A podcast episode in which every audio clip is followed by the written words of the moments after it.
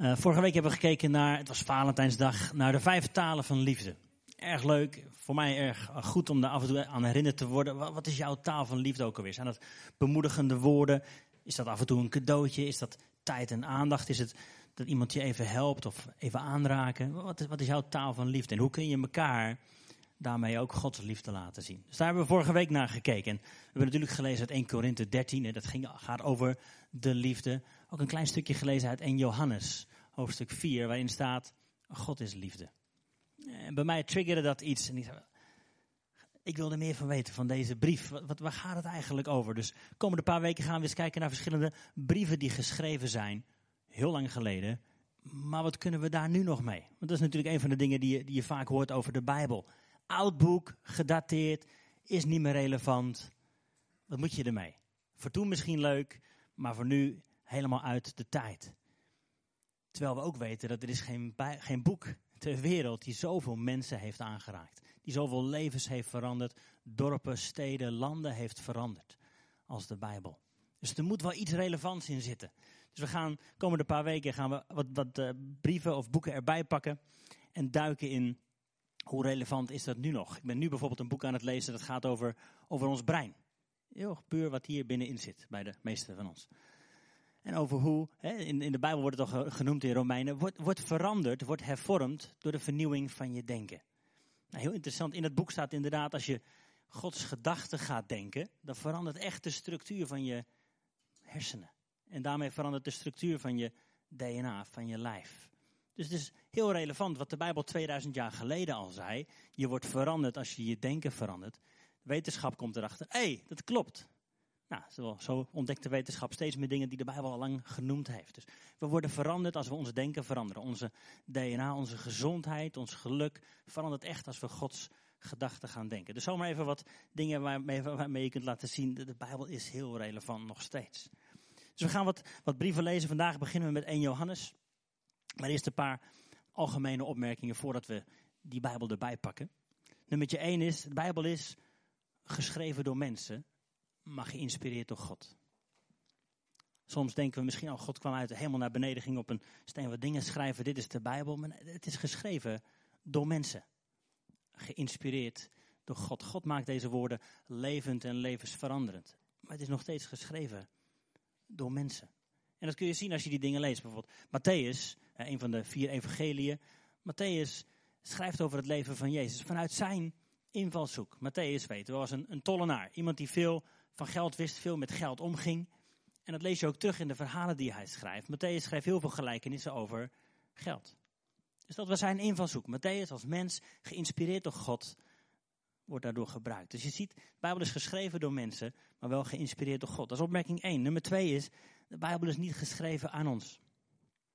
Wel voor ons, maar niet aan ons. Het is geschreven een paar duizend jaar geleden aan mensen in een hele andere cultuur. Die spraken een hele andere taal. Hadden hele andere gewoontes. En aan die mensen is het geschreven. Maar het is wel voor ons geschreven. We kunnen er vandaag wat mee. We moeten er vandaag wat mee. We mogen daar wat mee. Maar dan moeten we eerst, eerst een paar stappen terugzetten. En aan, wie was het dan wel geschreven? En, en, en door wie? En waarom? En in welke omstandigheden? Dat is dus opmerking 2. Dus geschreven door mensen, geïnspireerd door God. Hij is niet geschreven aan ons, wel voor ons. En nummer drie, het geschreven woord wijst altijd naar het levende woord. Het geschreven woord wijst altijd naar het levende woord en we weten dat is Jezus. Jezus die tikt zelfs de schriftgeleerden van die tijd op hun vingers en zegt, je denkt dat je het leven vindt in, in de, deze woorden, maar die woorden wijzen naar mij. Dus als we de Bijbel erbij pakken, als we gaan bestuderen, dan weten we dit wijst altijd naar Jezus. Het wordt waar, het wordt amen, het wordt de realiteit door jouw leven in jouw leven door Jezus. Daarom wordt het ook heel vaak gebruikt in de Bijbel. In Jezus is deze belofte vervuld. In Jezus is dit waar geworden. Dus het geschreven woord is waardevol, is belangrijk, maar wijst altijd naar het levende woord. Dus deze paar opmerkingen vooraf. Als je Bijbel bij je hebt, pak er even bij alsjeblieft 1 Johannes. Gaan we daar een paar stukken uit lezen. We hebben hem hier ook achter staan. Lezen we uit de nieuwe Bijbelvertaling. En Johannes begint meteen. Hij zegt, wat er was vanaf het begin, wat we gehoord hebben, wat we met eigen ogen gezien en aanschouwd hebben, Wat onze handen hebben aangeraakt, dat verkondigen wij. Het woord dat leven is. Het leven is verschenen. Wij hebben het gezien en wij getuigen ervan. We verkondigen u het eeuwige leven dat bij de Vader was en aan ons verschenen is. Wat we gezien en gehoord hebben, verkondigen we ook aan u, opdat u met ons verbonden bent. En verbonden zijn met ons is verbonden zijn met de Vader en met zijn Zoon, Jezus Christus. We schrijven u deze brief om onze vreugde volkomen te maken. Even tot hier. Laten we bidden samen. Vader, we openen uw woord. En daarmee willen we ook gewoon deze tijd voor u apart zetten. We willen onze gedachten op u richten, want we willen meer van u weten. Wees welkom. Maak het levend in ons. Maak het waarheid in ons. Die dingen die u wilt spreken deze ochtend, Heer. We zijn van u, we zijn voor u, door u, tot u. We zijn van u, Heer. Ik wil bidden dat u deze woorden levend maakt en ons leven steeds meer gaat vormen naar uw plan, naar uw beeld. Zoals Jezus dat deed. In Jezus' naam. Amen. Afgelopen week was ik met uh, twee vrienden uit eten. Het is wel February fast, maar het was een hele gezonde maaltijd met uh, lekkere steak en zo. Maar, uh, maar geen koffie. maar uh, met twee vrienden, we zijn al een jaar of twintig denk ik bevriend met elkaar. We waren met z'n drietjes en dan, dan merk je, oh dat doe je eigenlijk veel te weinig. Ah, wat een balsem voor de ziel. Als je gewoon met een paar gasten er zit aan tafel, je hoeft maar één vraag te stellen en wam, er is connectie, je kent elkaar. We kennen elkaar inderdaad al zo'n twintig jaar. twee van ons, ik en, en, een andere vriend, we zijn al, jaren, wou ik zeggen, maar een jaar of 15, 16 vader. En we hebben meerdere kinderen, meerdere dingen meegemaakt. En onze andere vriend is ook bijna 40. Die begint nu met vader worden. Dus nou, dat vinden wij natuurlijk fantastisch voor hem, maar we maken dan ook wel een klein beetje grappies. Dat snap je wel. Hey, wij hoeven geen luiers meer. Wij hebben het al gehad, die fase, joh. Dus we maken een klein beetje van die steekjes onder water die je als vrienden onder elkaar begrijpt. Weet je wel, no hard feelings. Het is niet lomp bedoeld. Gewoon een beetje lachen samen. Dat doe je als vrienden. Je hebt een beetje je eigen humor, toch? Nou, wat nou als er iemand naast ons aan een ander tafeltje zou zitten en zou luisteren, stiekem. En die zou ons die grapjes horen maken. Wat zou die denken? Wat een nare lui. Zitten die gozer gewoon daar af te zeiken. Helemaal niet aardig. Wat doe je daar? Die kent de hele context niet. Die kent ons hele verleden niet. Die snapt er niks van. Terwijl wij gewoon een leuke, goede tijd hebben samen. Weet je, niks aan de hand. Gewoon leuk grapjes maken. Maar als je de context niet kent, als je het hart erachter niet kent, dan denk je, waar heb je het over, vent? Doe niet zo onaardig. Nou, dat geldt ook voor, voor het lezen van deze brief. Je moet het hart kennen van degene die hem schrijft. Het is altijd een hele goede eerste vraag als je een Bijbelboek pakt of een brief erbij pakt. Wie schreef het eigenlijk? Hele goede eerste vraag. Hele belangrijke eerste vraag. Wie schreef deze brief? Nou, logisch, hij heet 1 Johannes. Je mag drie keer raden. Tadaa, Johannes schreef die brief. Er is heel veel onderzoek naar gedaan. Mensen trokken het in twijfel, maar uiteindelijk weten we. Johannes, de discipel van Jezus, schreef deze brief. Dezelfde discipel als die eh, het evangelie volgens Johannes heeft geschreven. En we kennen uit de Bijbel, kennen we zijn leven. En dan hebben we gezien, hij was eigenlijk de BFF van Jezus. De beste vriend. Hij noemt het zichzelf ook, de, de discipel die Jezus lief had. Misschien kennen we dat beeld wel tijdens het laatste avondmaal dat Johannes zijn hoofd op de borst van, van Jezus legt om er heel dichtbij te zijn. Er was een innige vriendschap tussen die twee. Dus dat is de basis ook van deze brief. Johannes was een vriend van Jezus, had jaren met hem gewandeld. En hij noemt dat hier ook. Ik heb hem gehoord, ik heb hem aangeraakt, ik heb hem gezien. Ik was erbij. Ik ken hem.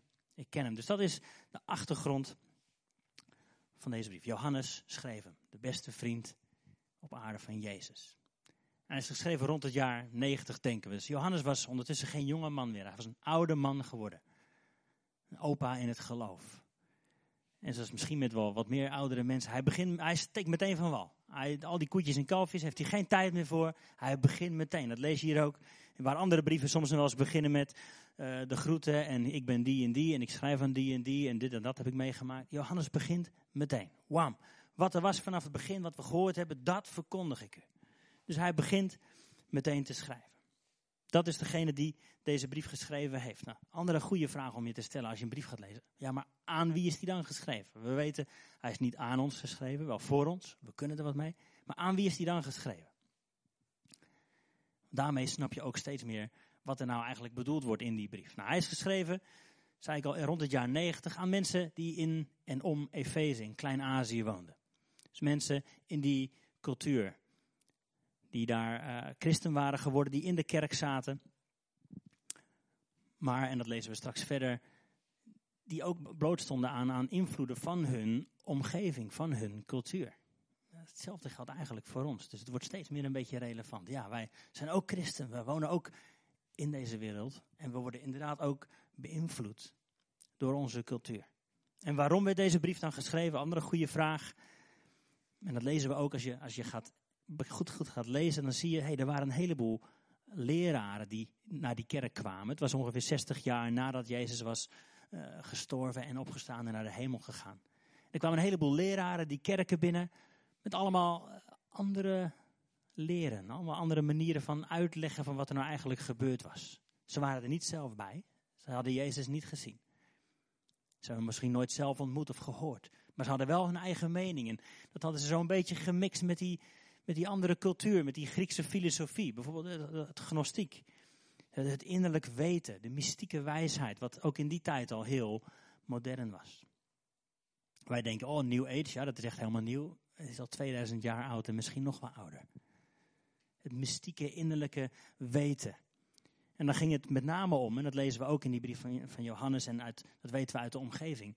Het gaat dan om, om zelfontplooiing. Dat, is wat die leraren kwamen vertellen in de kerken. En Johannes schrijft daartegen. Die mensen leren uh, vergeving, dat is één dingetje, dat is oké, dat is mooi. Jezus was fantastisch en goed en mooi. Maar uiteindelijk, zeggen ze, uiteindelijk ging het Jezus omdat jij je ware zelf naar boven ging halen. En als jij je ware zelf maar naar boven haalde, kwam het allemaal wel goed. Dat is wat deze, en Johannes noemt ze, verderop noemt hij ze zelfs anti-christen. Dat is wat ze kwamen leren. Het gaat om je, je innerlijke zelf, steeds meer jezelf worden. Herkennen we ook een heleboel van het christendom vandaag natuurlijk. Ook buiten de kerk, maar ook binnen de kerk wordt het steeds populairder. Uiteindelijk gaat het erom dat jij jezelf wordt. Daarom schrijft Johannes deze brief. Daar heeft hij wat over te zeggen. Ander dingetje wat daar de kop op begon te steken is dat wat je ziet is niet echt belangrijk. Het lichamelijke, het vleeselijke, dat is eigenlijk allemaal niet zo belangrijk. Het gaat uiteindelijk om het geestelijke, dat wat je niet kunt zien. Dat is de echte realiteit. Dat is wat deze gasten kwamen leren. En dat is wat je ook steeds meer in de kerken hoort natuurlijk.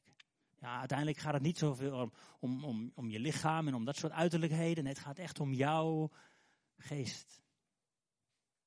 En de rest is niet belangrijk. Een gevolg daarvan was het maakt helemaal niet uit met hoeveel mensen je seks hebt gehad deze week. Als jouw geestelijke, innerlijke, mystieke ik maar rein is met God. Dat was een van de gevolgen. Johannes heeft daar wat over te zeggen. Daarom schrijft hij deze brief. En wat een ander gevolg daarvan was, is er kwam een scheiding in die kerken tussen dat wat heilig was en dat wat seculier was. Bijvoorbeeld, ik, eh, eh, krijgen vanuit Connect Kerk krijgen wij een vergoeding een financiële vergoeding, zijn we blij mee. Maar daarnaast heb ik ook nog een seculiere baan. In Johannes' gedachte, in Jezus' gedachte, bestaat het onderscheid helemaal niet. Er is niet zoiets als seculier of onheilig. Nee, nee, dat hoort allemaal bij elkaar. En Johannes heeft daar wat over te zeggen. Over die scheiding in, in mensen hun gedachten tussen dat wat geestelijk en echt is, of dat wat lichamelijk en helemaal niet belangrijk is. Johannes heeft daar wat over te zeggen. En daarom is hij ook zo sterk erop dat hij zegt, Jezus is in het vlees gekomen. Dat is een andere leer die de kerken binnenkwam. Ja, Jezus was dan misschien wel een goede leraar, maar dan was hij niet echt God. Johannes heeft daar wat over te zeggen. Hij was volledig God, hij was volledig mens. Dat is ook een stroming die we steeds meer om ons heen zien. Moslims bijvoorbeeld geloven dat ook. Jezus was dan wel een echt mens, maar hij is dan niet echt opgestaan uit de dood. Dat was iets van een geest of een spook of zo die je dan zag. Johannes heeft daar wat over te zeggen. Hij is opgestaan met een lichaam. Dat is waarom Johannes deze brief schreef. Aan deze mensen, aan die kerk. Het lichamelijke, het zichtbare, het tastbare doet ertoe. Is belangrijk, is heilig in Gods ogen. En een van de sterke punten die Johannes dan noemt verderop in deze brief. En dat is ook voor ons een hele mooie, een hele belangrijke, een hele bekende misschien. Je hoort hem bijna hard oproepen, deze opa in het geloven. Zeggen, hoe kun je het in je hoofd halen om te zeggen dat je wel van God houdt, die je niet kunt zien? En dan niet van mensen om je heen, die je wel kunt zien. Dat bestaat niet. Voor deze mensen in Efeze, en misschien ook wel in onze tijd, in onze kerk, is het belangrijk dat jouw relatie met God goed is. Als jouw mystieke innerlijke ik maar in, hè, naar boven verbonden is, dan is het goed. Maar Johannes, en daar begint hij hier ook mee, het zichtbare is heel belangrijk. Hoe gaan wij met elkaar om? En dat vind ik ook zo mooi aan wat hij in vers 3 daar schrijft. Wat we gezien en gehoord hebben, verkondigen, verkondigen wij ook aan u, opdat u met ons verbonden bent. En gaat verder. En als je dan met ons verbonden bent, dan ben je ook verbonden met God de Vader en met zijn Zoon Jezus Christus. Van God houden en van je medemens houden, van het uiterlijke, van het lichamelijke, dat hoort er helemaal bij. En dat is misschien wel een bewijs van jouw relatie met God. Dat heeft Johannes daarover te zeggen. Verderop moet je maar eens nalezen. Het zijn vijf hoofdstukjes, niet zo'n hele lange brief.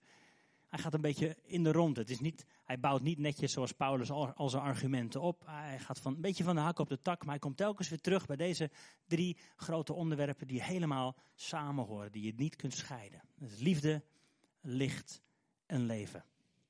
Liefde, licht en leven, dat hoort bij Johannes helemaal bij elkaar. Ik zei, hij begint meteen over het woord dat leven is. En hij, hij is vrij zwart-wit in zijn woorden, Johannes. Net zoals in zijn evangelie zie je dat uh, hoe hij, de manier waarop hij Jezus beschrijft is vrij strak en zwart-wit.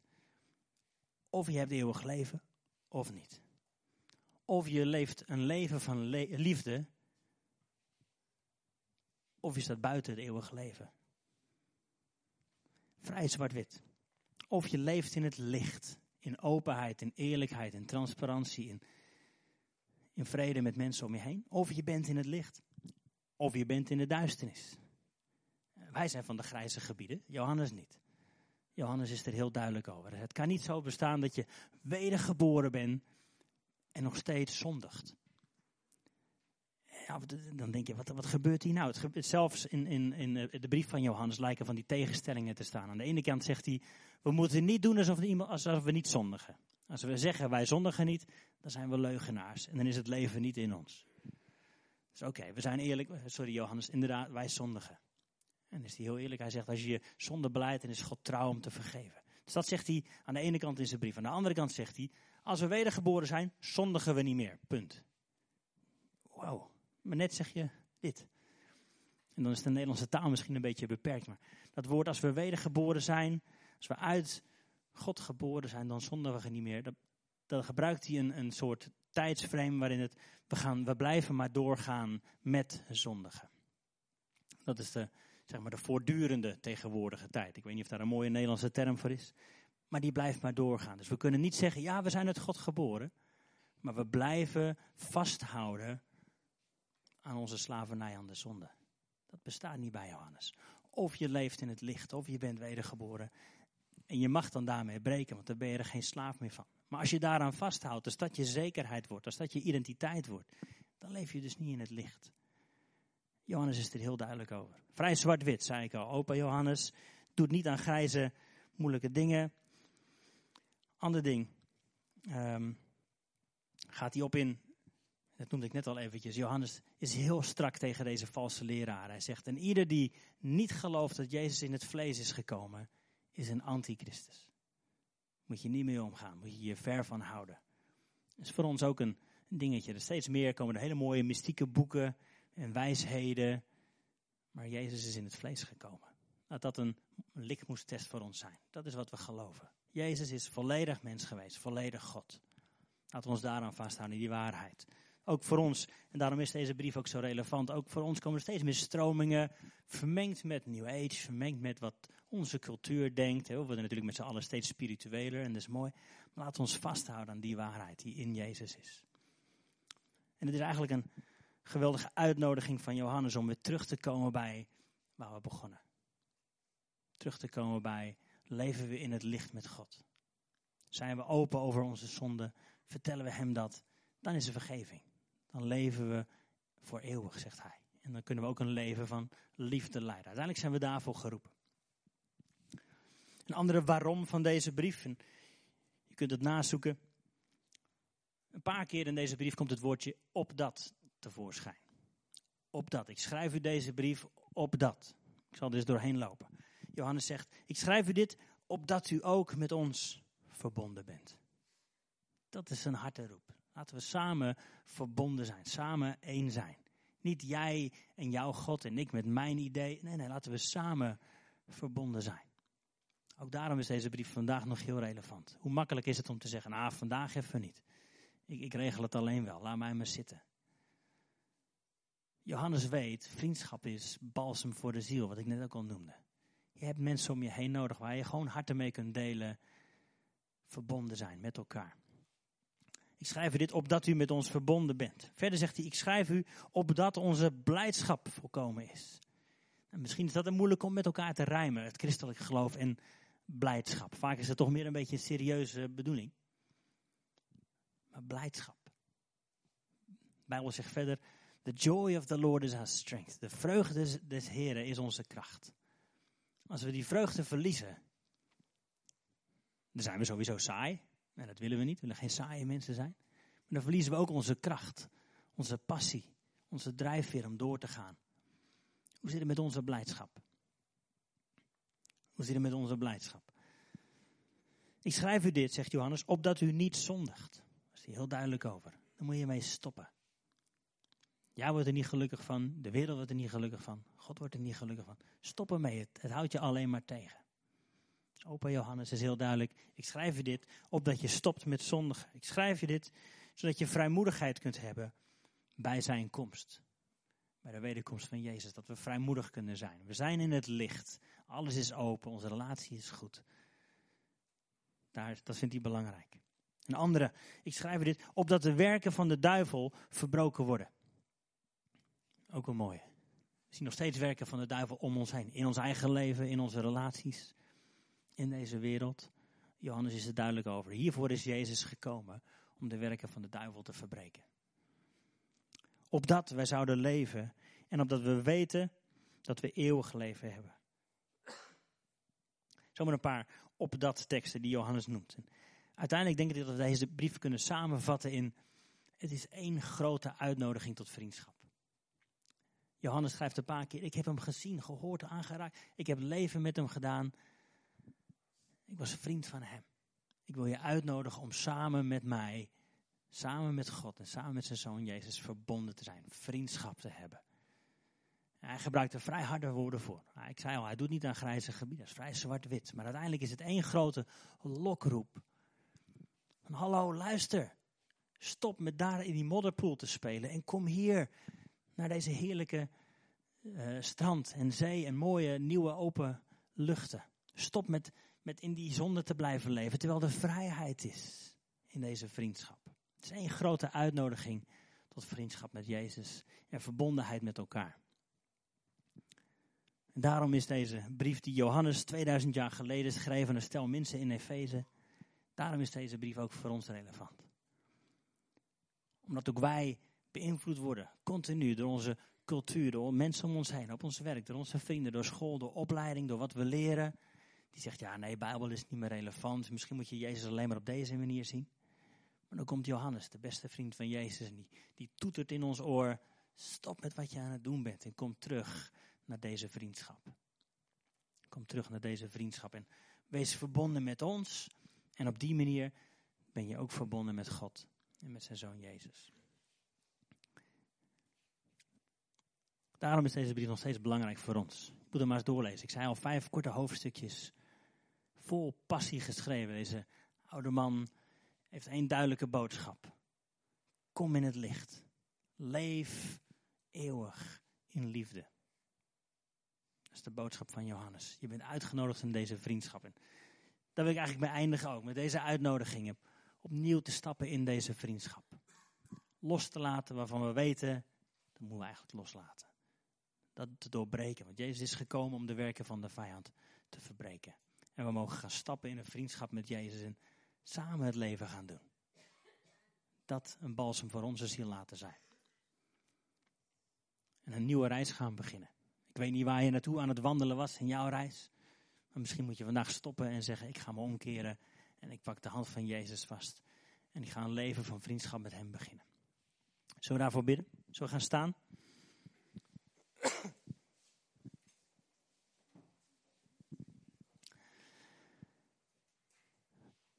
Vader, dank u wel voor deze woorden die ons leven kunnen geven. En zo willen we ze ook ontvangen, Heer. Dank u wel voor wie u bent en voor wat u doet. En dank u wel voor uw woord, wat wijst op Jezus. En ik wil bidden dat u met uw Heilige Geest ons, ons aanraakt, ons leidt. Gewoon in de keuzes die we dag aan dag maken. En we willen meer op u gaan lijken. We willen meer gaan leven in vriendschap met u. Heer, en u kent ons verhaal. U kent onze harten. U weet waar we vandaan komen. Maar u wilt balsem voor onze ziel zijn met uw vriendschap. U wilt dat van ons afnemen wat niet bij ons hoort, wat slecht voor ons is. Wat ons vasthoudt. We mogen vrij zijn in uw liefde.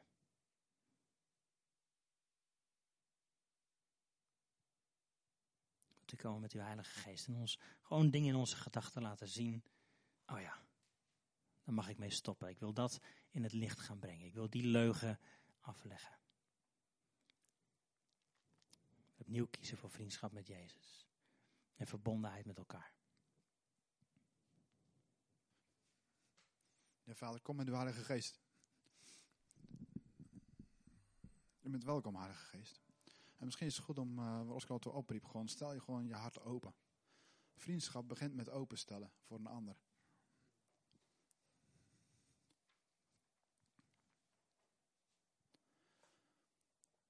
En vader, we bidden dat u met uw Heilige Geest gewoon door de mensenharten heen waait. Dat we mogen zien, mogen leren ontdekken zoals u echt bent. Heer, u bent een God van liefde. En dat is iets uh, ja, wat ik persoonlijk gewoon uh, heb mogen ontdekken. Maar dat, daar verlang ik naar dat ieder van jullie, iedereen die hier zit, zodat het ook op die manier, op je eigen manier mag leren ontdekken. Dat God een vriend voor je wil zijn, zoals je nog nooit iemand hebt leren kennen. Hij is echt een liefde. Hij is onvoorwaardelijke liefde. Dat is echt zo. Ik kan ervan getuigen dat hij dat in mijn leven ook heeft gedaan. En dat wil hij bij jou ook doen. Als hij dat al heeft gedaan, wil hij dat weer opnieuw doen. Hij wil met jou meegaan tot aan het eind van je leven. En als jij denkt dat het eindigt, dan is het juist weer een nieuw begin. Als jij een vriendschap met Jezus hebt, op het moment dat jij je ogen op aarde sluit, is het een nieuw begin. Maar God zegt tegen jou vandaag, ik wil nu hier al met jou beginnen, opnieuw. En ik wil met je verder. Alles wat jij tot nu toe hebt gezien van mij, is heel beperkt. Ik wil je veel meer laten zien. Ik wil veel verder, veel dieper met jou. Ik wil naar, met jou naar diepe wateren. Diepe wateren. Dat je gewoon lekker mee mag drijven. In de stroom van mijn liefde. Want dat is geen vaag iets. Met daarvanuit alleen kan jij gewoon praktisch uitreiken naar de mensen om je heen.